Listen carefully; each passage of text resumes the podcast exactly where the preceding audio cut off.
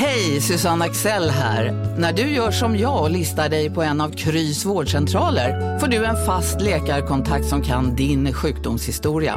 Du får träffa erfarna specialister, tillgång till lättakuten och så kan du chatta med vårdpersonalen. Så gör ditt viktigaste val idag, lista dig hos Kry. Välkommen till Maccafé på utvalda McDonalds restauranger med Baristakaffe till rimligt pris. Vad sägs om en latte eller cappuccino för bara 35 kronor? Alltid gjorda av våra utbildade baristor. Från Monopol Media, det här är Kapitalet. Jag heter Gunnar Harjus. Och jag heter Elinor Alborn.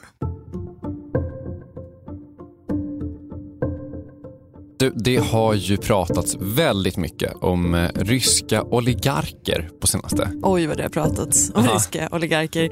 Jag tror att jag kanske idag bara har läst eh, typ tre listor med namn som Roman Abramovich och Alisher Usmanov och, och vilka av deras tillgångar som ska frysas och så vidare. Mm, olika fotbollslag som eventuellt inte får säljas och så vidare. Precis.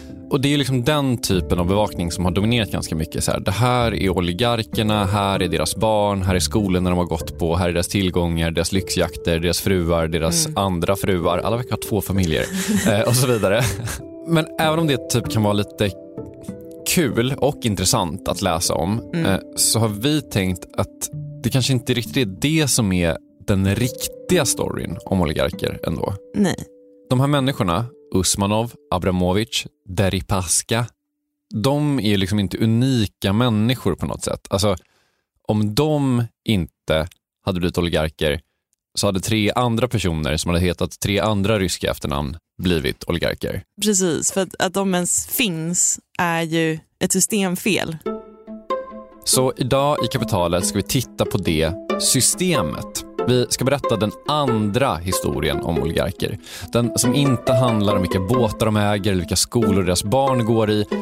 Utan historien om hur väst skapade en struktur som gjorde att ett antal av Rysslands skickligaste tjuvar kunde höja sig över lagen och hur vi nu ska kunna stoppa dem. Efter det här.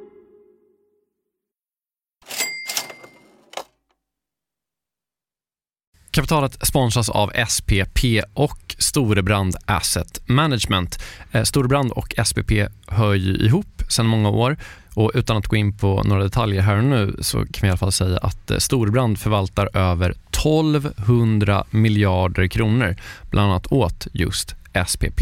Och du har ju träffat Storebrand, Jakob, och pratat om eh, Kina Ja, eh, vi, vi pratar i alla fall om hur Kina blivit en sån otroligt viktig del i omställningen av energisystemet. Eh, över 70 procent av värdekedjorna inom vind och solkraft kontrolleras av Kina, vilket är s- otroligt när man tänker på det. Ja.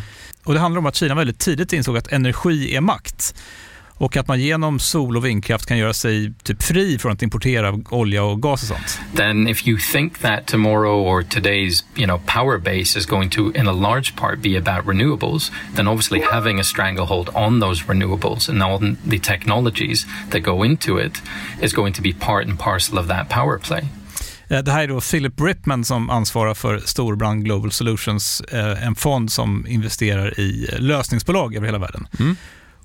Och hela det här avsnittet om Kina och geopolitiken som nu liksom är invävd i den globala omställningen, eh, den släpper vi som en bonus här i kapitalet nu i veckan. Ja, och mer information om Storbrand kommer vi få i kommande avsnitt och eh, man hittar också förstås mer om man vill ha det här och nu på storebrand.se. Vi säger stort tack till SPP och Storbrand. Tack!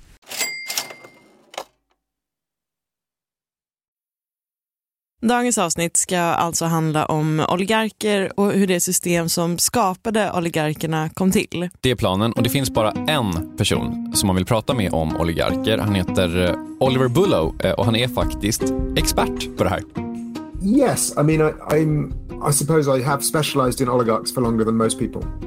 Oliver är journalist och författare. Han har till exempel skrivit en bok som heter Moneyland som eh, avsnitt 214 av Kapitalet handlar om. Precis. Hans senaste bok heter Butler to the World, kom i torsdags och den handlar om hur England blev eh, den stora möjliggöraren för tjuvar, skattefuskare och oligarker. Med andra ord, den perfekta personen att prata med om det här. Ja, och, och, och liksom, både du och jag har väl ett så pyttelitet hum om så här, eh, hur oligarkerna blev rika och sådär. Men nu när vi ändå har en oligarkexpert eh, här så tänkte jag att det är så här bra att fräscha upp våra minnen lite grann. So when the communism collapsed, obviously everything had belonged to the government. Everything big had belonged to the government. This is in Russia and the former Soviet Union. And there was these very rapid privatizations, which was a deliberate policy by the new post-communist government to try and prevent the communists returning. And almost everything of value in Russia ended up belonging to a tiny group of men. Det här har man ju hört om. Man drev igenom jättesnabba privatiseringar. Eh, vissa av de här ryska företagen eh, hade så kuponger som man delade ut till befolkningen så att alla skulle äga lite grann. Så att så här, här får du 0,01 procent i ett gasföretag. Varsågod. Mm. Och de här kupongerna blev folk avsvindlade på olika sätt för att de visste inte värdet av dem. Och i andra fall så var det eh, rent av så superriggade privatiseringar där Boris Jeltsin och andra toppolitiker såg till att företagen kunde säljas för en bråkdel av det de verkligen var värda. Så här, det som hände i alla fall var att ett antal män lyckades ta kontroll över de här nya företagen. Och sen blev de hur rika som helst? Hur rika som helst. A vanishingly small elite. Jag frågar Oliver Bullough om det liksom går att beskriva hur rika de här personerna är. Om det liksom finns någon sån metafor som han som oligarkexpert brukar använda för att beskriva hur otroligt rika de är. Nu ska vi se. Eh, två personer på en ö och en fiskar upp alla fiskar i hela havet eller något sånt. Ja men exakt, ja, men verkligen. Exakt så. Uh, Oliver hade tyvärr ingen metafor. I mean I have a statistic det finns ingen metafor för den ryska oligarkin för att liksom, den ryska oligarkin är liksom metaforen man använder när man ska beskriva något annat sjukt ojämlikt. Alltså, det finns ingenting som är som den. The top 500 people in Russia own more than the bottom 99.8%. So that's about 500 people with more wealth than about 144 million people. They are wealthier as a proportion of the Russian economy than the aristocracy was before the Bolshevik revolution. Okej, okay, så man ser typ så Anastasia, eller kolla på The Great kanske, som yeah. jag älskar, som handlar om Peter den stora, eller så någon, någon film om ryska revolutionen. Då är det alltså mer jämställt än vad Ryssland är idag. Ja, det är en så egalitär utopi jämfört med hur det ser ut nu. Liksom. Under 90-talet, när de här rika personerna blir rika, så är de ganska oberoende. Eller de lägger sig inte i politik så mycket. De bygger upp sina jättestora förmögenheter på resten av Rysslands bekostnad. Men de håller liksom inte på och blir ministrar och sådär också. Men sen kommer Vladimir Putin och efter ganska många om och men så blir han oligarkernas beskyddare kan man säga. Alltså, de kommer honom väldigt, väldigt nära. Presidenten har deras rygg nu också. Mm, skönt för dem. Jätteskönt. Men det finns ett problem med att vara med och skapa ett land utan fungerande demokratiska institutioner och oberoende rättssystem. Jaså? Och det är att du nu bor och verkar i ett land utan fungerande demokratiska institutioner och ett oberoende rättssystem. Oh, nej. Now, because Russia doesn't have functional courts or a rule of law, um, these men tend to be rather nervous that if they fall out with Putin, they will lose their wealth. Okej, okay, så att eh, vilken sekund som helst så kan liksom Putin komma in och sno allt du äger? Ja, i princip så. Och det här är ju verkligen ett problem om du är eh, oligark. Men, ska det visa sig, det är inte ett olösligt problem.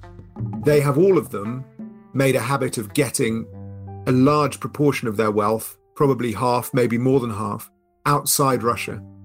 Så om du är en rysk oligark och du är rädd för det system som du har varit med och skapat eh, och att det vid vilket givet tillfälle som helst kan användas mot dig, då behöver du alltså flytta dina pengar ut ur det här systemet. Du behöver flytta dina pengar till väst. Du behöver helt enkelt västs finansiella system. So you end up with this very weird situation whereby Russia is nominally uh, an opponent to the West, you know, a conservative beacon around which the opponents of you know, gay rights and so on can unite. And yet simultaneously, its most important supporters, the Kremlin's most important supporters, are all of them only able to do what they do because of their integration to the Western financial system. Their opposition to the West is entirely rhetorical. In reality, they are totally dependent on the West and have been for, for years. Att de är alltså motståndare till väst på ett sätt, men å andra sidan så är allt de gör möjligt på grund av de finansiella system som finns i väst och kanske mer specifikt typ i London. Ja, så att de stora bankerna i, väst, alltså i princip alla banker, alltså det finns ju svenska banker, Swedbank och Nordea och Danske Bank har ju varit inblandade i sådana här grejer också. Mm. Men, men framför allt Londons banksystem är möjliggörarna för oligarkerna. Och, och att de blev det, att London kunde bli den stora möjliggöraren för oligarkerna, det började faktiskt långt innan oligarkerna blev en grej. In the 1950s, London, the city of London, the financial center of the British Empire, was falling apart because the British Empire was falling apart. På 50-talet så behövdes typ inte Londons banker för att det fanns inte så mycket pengar som de kunde leka bank med. så vad skulle de göra? De hade ett jättestort banksystem och de hade en massa människor som jobbade på de här bankerna. And simultaneously in the Soviet Union, this is the time of the Cold War, the Soviet Union was worried about its money. You know, it needed to have dollars in order to trade with the world, but it didn't want to keep them in the United States because it was worried that they would be frozen if there was, you know, a, a, a geopolitical crisis. So what was it going to do? Så det fanns massa sovjetiska pengar som Sovjet inte ville ha i Sovjet och så fanns det ett banksystem i London utan pengar jag, jag, har en känsla av att du kanske anar vart det här är på väg. Du, du vet vad ett plus ett blir och så vidare. Okej, så, då så höga tankar om mig. Men eh, kan det vara så här att England började ta hand om de här sovjetiska dollarna? Boom, snyggt. Det här skulle egentligen inte vara möjligt för valutarestriktionerna eh, var jättehårda på den här tiden. Men London var ett undantag för att London hade varit imperiets finansiella högkvarter och hade ja, men det fanns massa regler som här, vi kan deala med massa olika valutor för att vi behöver göra det för att vi är, är imperiet. Typ. Så att Londons banker, de teamar upp med Sovjetunionen, Englands svurna fiende vid den här tiden ska sägas, för att runda vad som i praktiken var amerikanska eh, restriktioner på pengar. Okej, så de här finansiella systemen som oligarkerna drar nytta av idag, började när det liksom fortfarande var kommunism i Sovjet. Ja. Britain began this particular business. You know, they created this word for it. They called it offshore. Offshore är egentligen en term som kommer från sjörätt. Det hör man nästan, alltså mm. marin rätt. Mm. Det syftade från början på saker som hände till eh, havs, alltså bortom myndigheternas kontroll. Applying that word to things that happen onshore in a country is, is obviously absurd. But essentially, they created this idea that if they were banking dollars rather than pounds, then British law didn't apply to them. And that was very convenient for everyone because the bankers got to undermine American regulations. The Soviet Union got to undermine American regulations. The bankers got to make a profit. And the City of London was reborn as a new kind of financial centre. Not the financial centre for the British Empire anymore, but the financial centre for all the thugs, crooks, bullies, and tax dodgers of the world.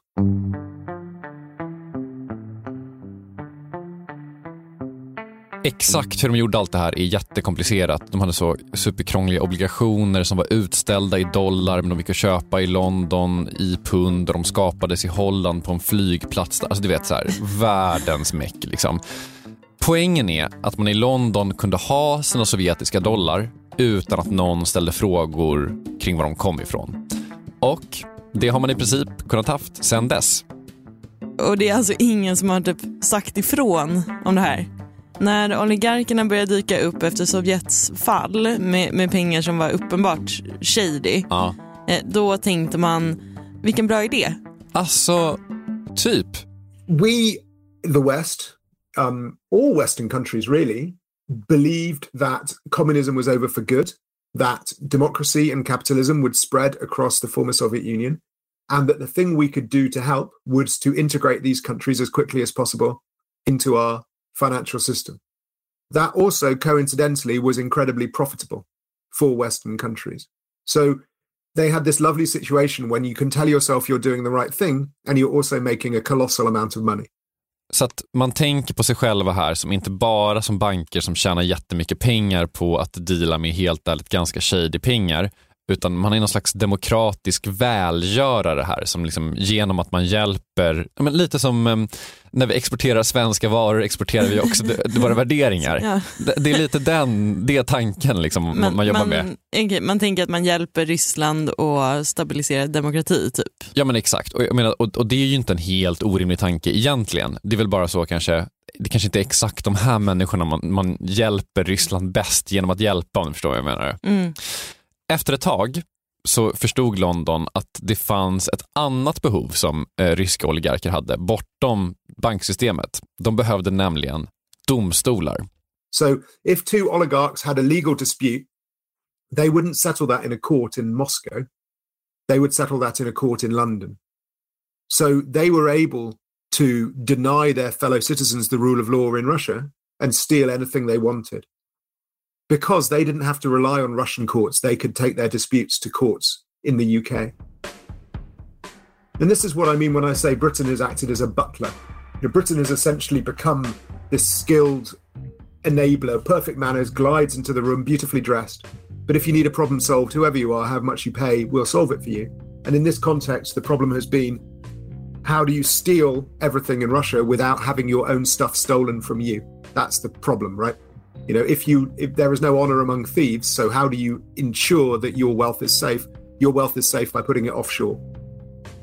Alltså oligarkerna gör i princip det här. De behöver domstolar någonstans. De skulle kunna bygga dem i Ryssland egentligen liksom, eller se till att det ryska samhället blir tillräckligt stabilt så att det finns ett fungerande rättssystem där. Mm. Men i och med att London erbjuder det här domstolssystemet där de kan, eller oligarkerna kan lösa sina dispyter, då tänker oligarkerna ah, då behöver vi ju inte domstolarna i Ryssland egentligen. Vi har ju, vi har ju Londons grej going här. Mm. Så vi, vi, kan leva våra liv i London och så behöver Ryssland aldrig bli bättre. Vi kan bara använda Ryssland, liksom tömma Ryssland på tillgångar och sen flytta dem till London där vi lever våra riktiga liv. Underbart. Så det är liksom systemet. Det är liksom det här som de ryska oligarkerna har verkat i. Okej, okay, och det är alltså det här systemet som man nu vill eh, stänga ner i och med invasionen av Ukraina och så vidare? Ja, eller vill man verkligen stänga ner det här systemet efter det här?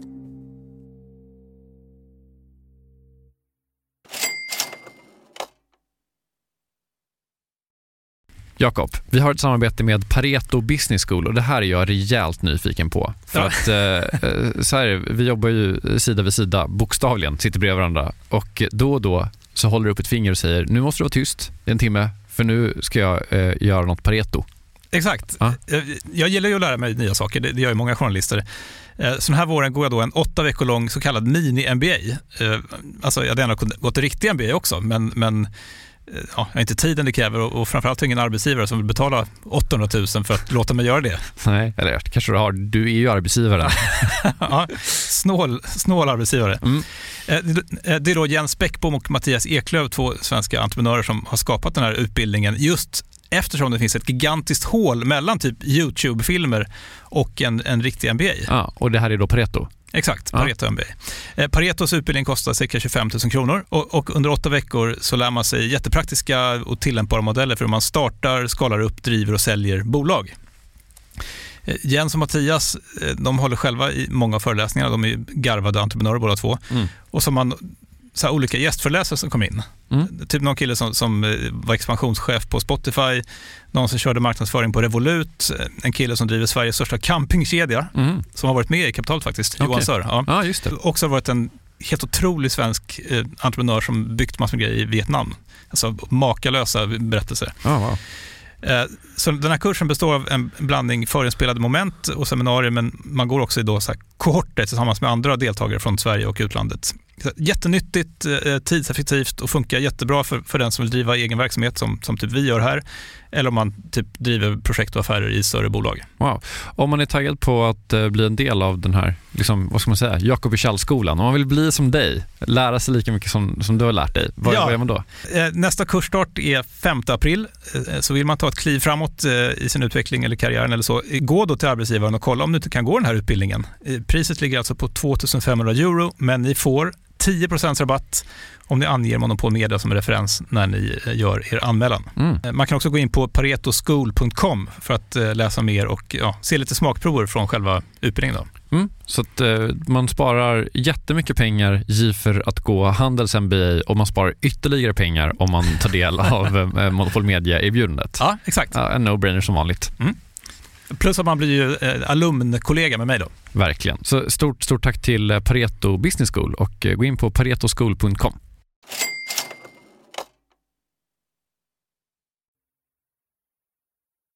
Regeringar världen över, inte minst den brittiska, har eh, ägnat de senaste veckorna åt att säga hur hårda sanktioner man kommer sätta in mot oligarkerna. What I've always said is that we will continue to uh, ratchet up our sanctions as this uh, goes forward, as uh, Vladimir Putin intensifies his aggression against the Ukrainian people. Uh, Men en sak som jag undrat över när jag sett alla de här klippen och läst om oligarkerna och deras tillgångar och så där, det är liksom varför?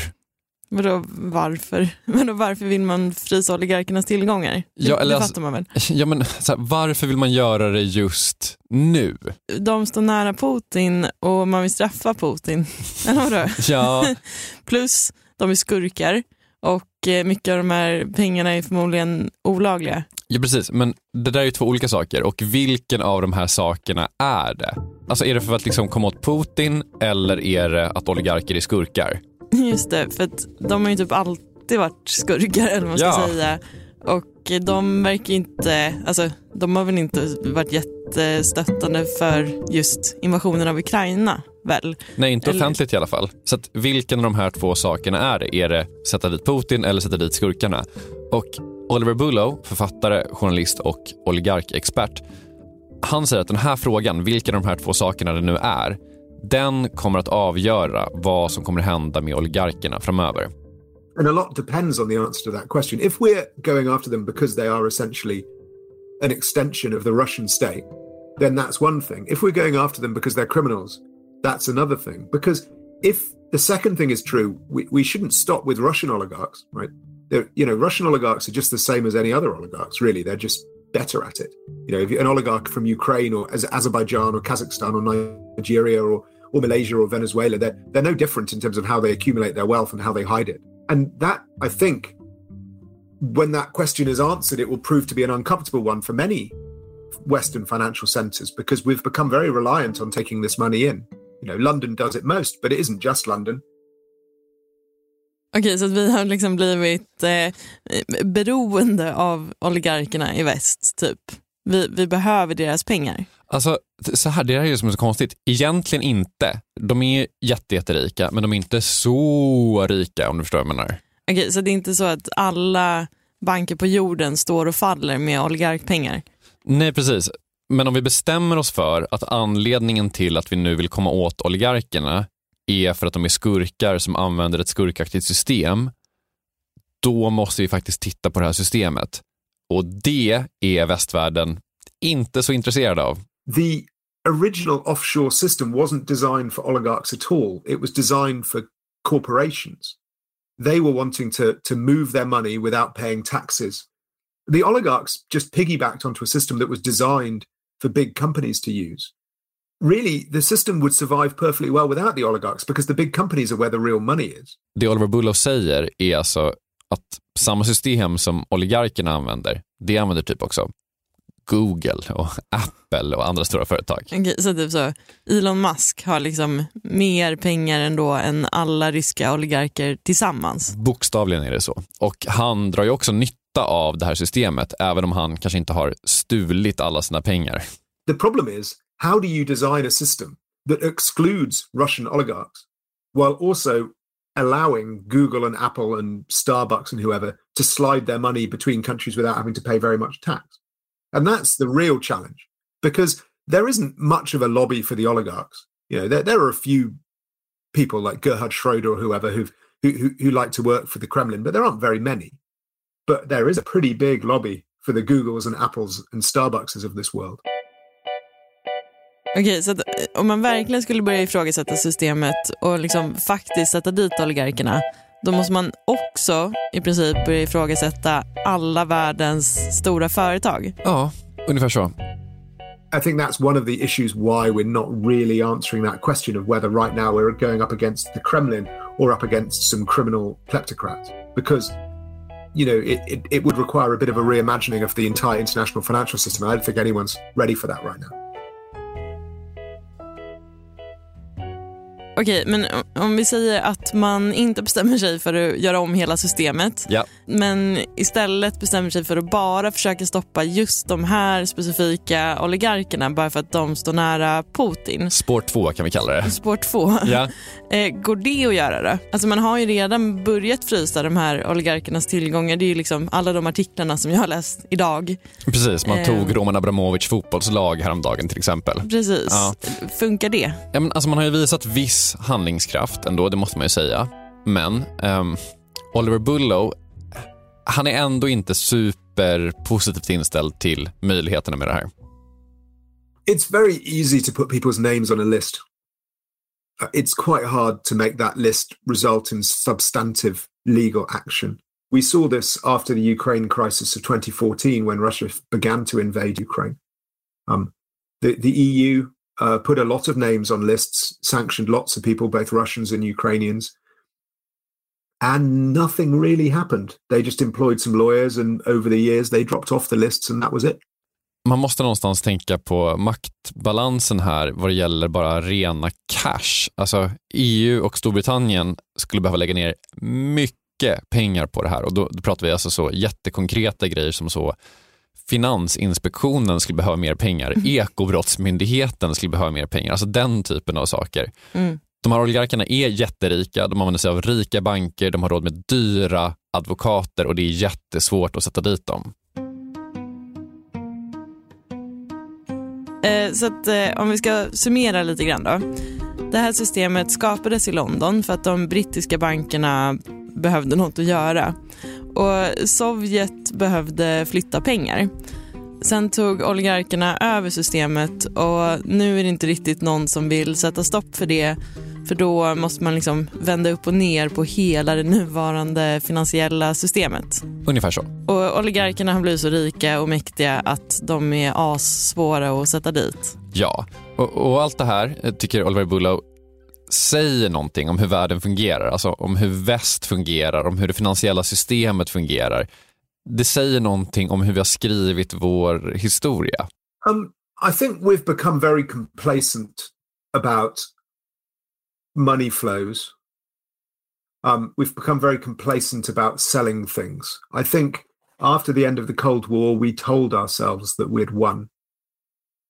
You know, there was this this idea that it was the end of history, that the only political system that would survive was liberal democracy in its various forms, and that belief the idea that we're developed and they're developing and they will inevitably become us. That belief st- stuck around for a surprisingly long time. And we are finally confronting the fact that that, that, that isn't true. You know, that, that, that actually, you know, they, that autocracy, dictatorships, and so on are far more robust than we'd like to think they are.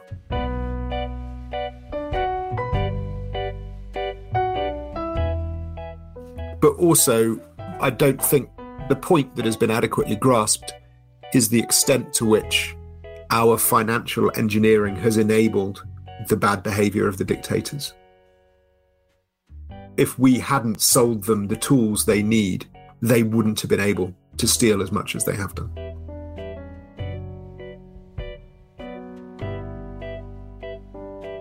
Oliver Bullows nya bok heter Butler to the World. Den kom i torsdags. Eh, kapitalet är slut för idag. Vi som gjort dagens avsnitt heter Gunnar Harjus och Elinor eh, Ahlborn. Och vi vill ju också slänga in ett litet eh, tips som är att man ska lyssna på vår systerpodd Affärsvärlden Magasin. Den görs av Helene Rothstein och i senaste avsnittet så har hon intervjuat Oriflames Erik Björkman som nyligen flydde Ukraina under kaosartade former. Vi finns på Instagram också och där heter vi Kapitalet. Ja, Hej då. hej då!